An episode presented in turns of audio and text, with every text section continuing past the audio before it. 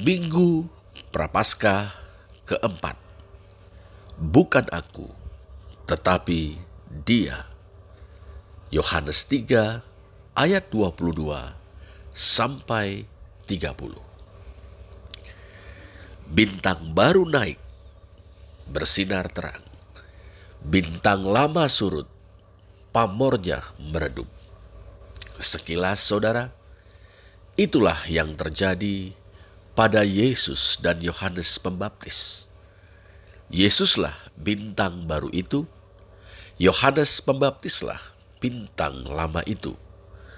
Padahal sang pembaptislah yang telah mempromosikan laki-laki bersandal dari Nazaret itu.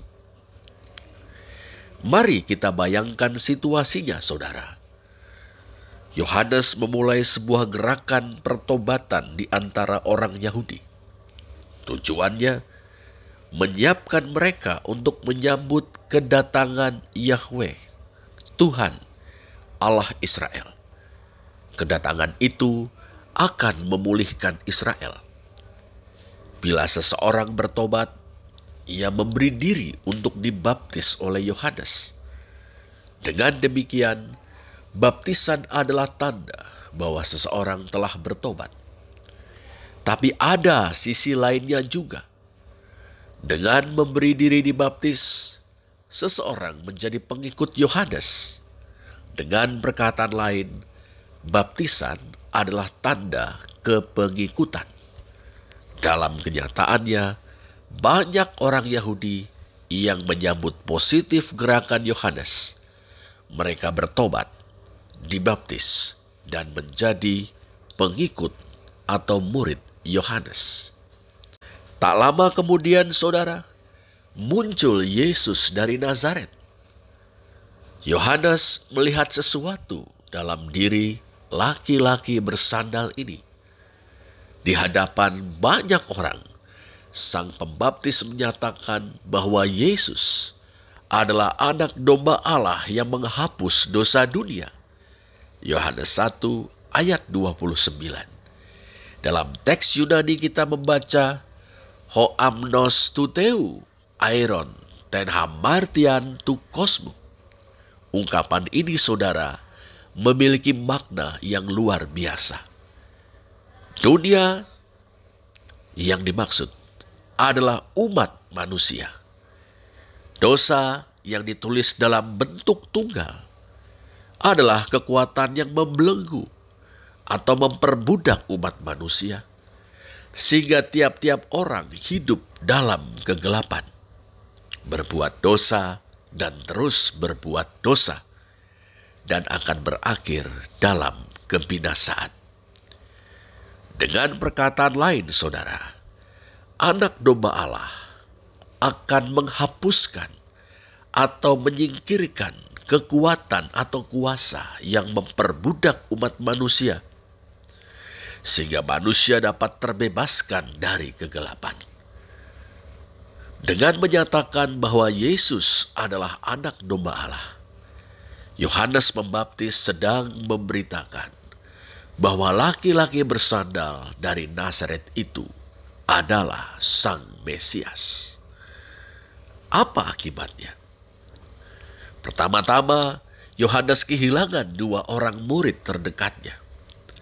Salah satu di antara mereka adalah Andreas dari Betsaida. Keduanya meninggalkan Yohanes dan menjadi pengikut Yesus.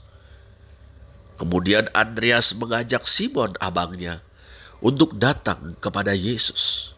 Dasarnya, kami telah menemukan Mesias. Kata Andreas, Yohanes 1 ayat 41. Dalam pada itu, Yesus dari Nazaret sendiri adalah seorang yang berkarisma. Ia memanggil Filipus, tetangga Andreas dan Simon di Betsaida. Filipus manut dan menjadi pengikut Yesus. Selanjutnya, Filipus mengajak sobatnya yang tekun mempelajari Taurat dan nabi-nabi.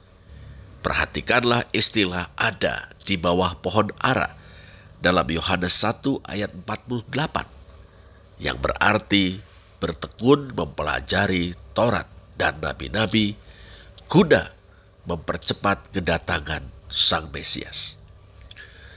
Mula-mula Nathanael skeptis.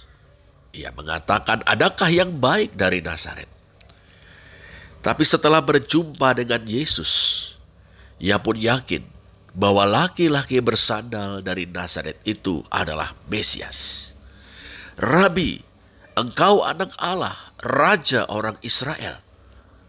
Kata Nathanael dalam Yohanes 1 ayat 49. Lebih jauh saudara, Yesus dan para muridnya juga mengadakan gerakan pertobatan dan pembaptisan seperti Yohanes.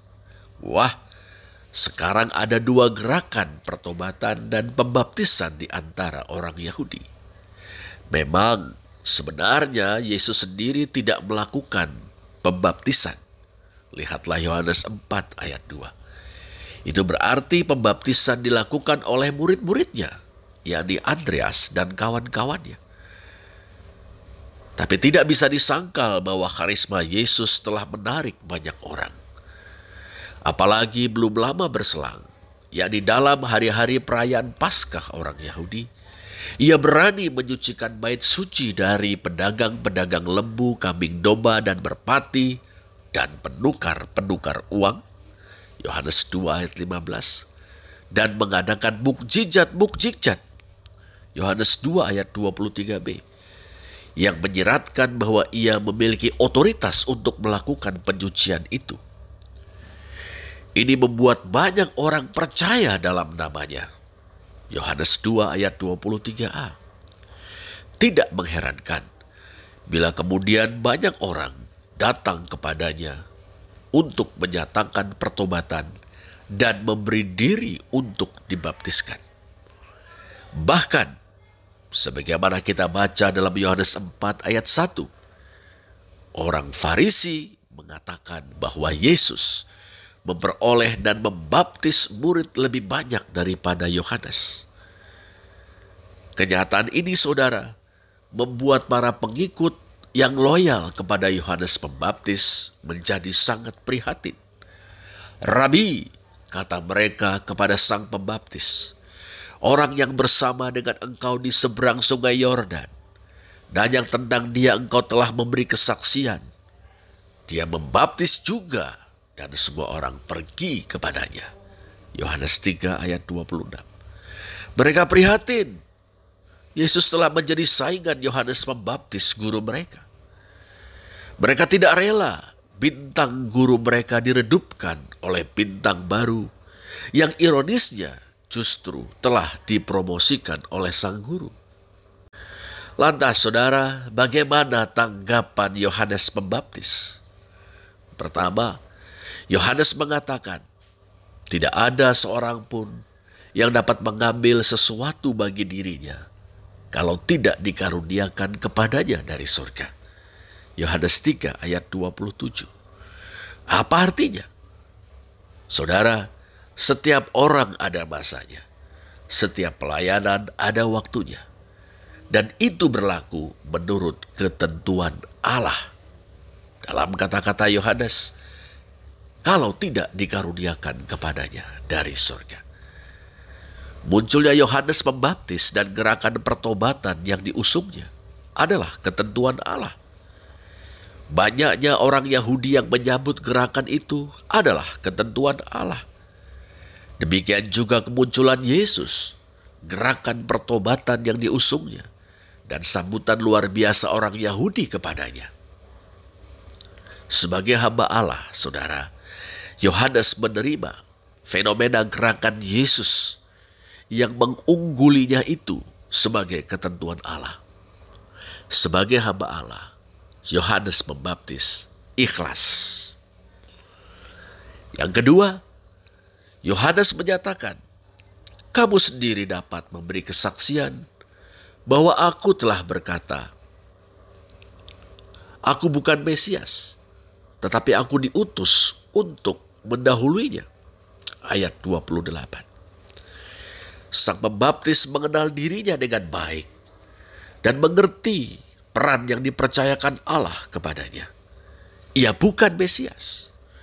Ia sekedar utusan Allah yang bertugas mendahului Mesias untuk menyiapkan umat Allah agar mereka menyambut Sang Mesias dan kemudian dipulihkan. Yesuslah Sang Mesias. Yohanes sekedar sebuah suara yang berseru-seru di padang gurun yang mengajak orang bersiap menyambut kedatangan Tuhan. Yesuslah Tuhan itu. Ia sendiri telah menggarisbawahi hal itu di hadapan orang banyak. Ketika ia menyatakan bahwa Yesus adalah anak domba Allah yang menghapus dosa dunia. Yohanes 1 ayat 29. Dan bahwa Yesus adalah anak Allah Yohanes 1 ayat 34. Pendeknya saudara, Yohanes sadar sedalam-dalamnya bahwa ia melayani demi Yesus Sang Mesias. Bila sekarang pamor Yesus jauh lebih moncer daripada pamornya, bukankah itu sudah seharusnya? Yang ketiga saudara, Yohanes menyatakan yang empunya mempelai perempuan ialah mempelai laki-laki. Tetapi sahabat mempelai laki-laki yang berdiri dekat dia dan yang mendengarkannya sangat bersuka cita mendengar suara mempelai laki-laki itu. Itulah sukacitaku. Dan sekarang sukacitaku ini penuh. Yohanes 3 ayat 29. Saudara, Yohanes mengibaratkan dirinya sebagai sahabat mempelai laki-laki. Yesus sebagai mempelai laki-laki dan umat yang bertobat sebagai mempelai perempuan. Siapakah yang berhak atas mempelai perempuan? Tentu saja mempelai laki-laki. Sahabat mempelai laki-laki sekedar mendampingi mempelai laki-laki dan bersuka cita saat mempelai laki-laki bertemu dengan mempelai perempuan dan dipersatukan dalam mahligai cinta.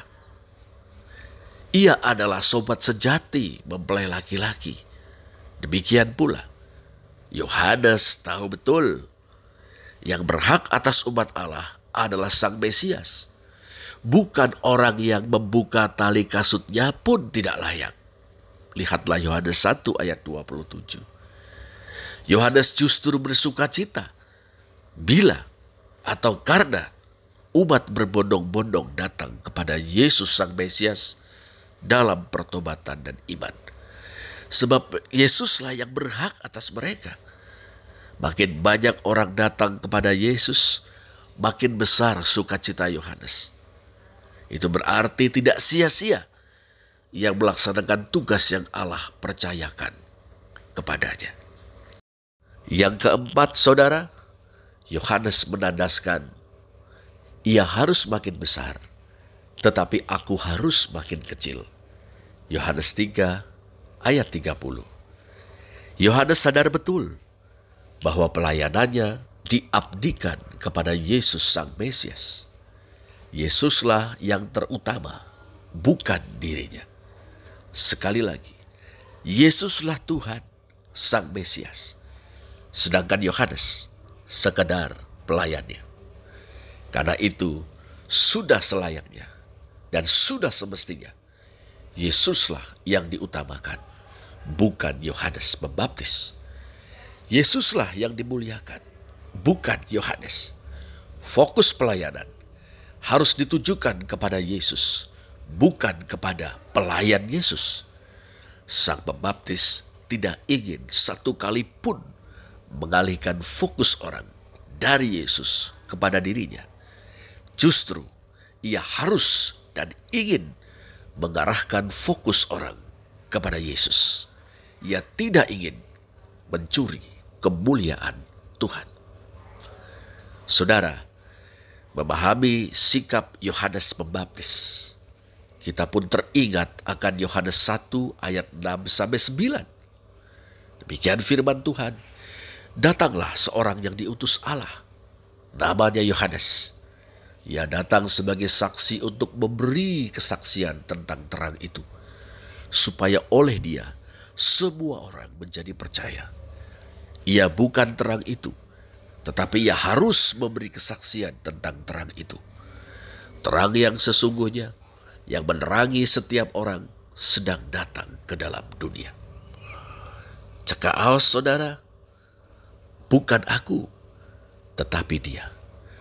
Oh, betapa kita berjumpa dengan spiritualitas pelayanan yang sejati dalam diri Yohanes Pembaptis.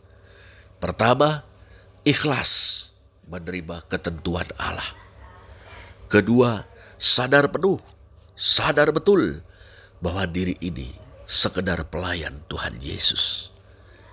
Yang ketiga, bersuka cita karena orang-orang datang kepada Tuhan Yesus.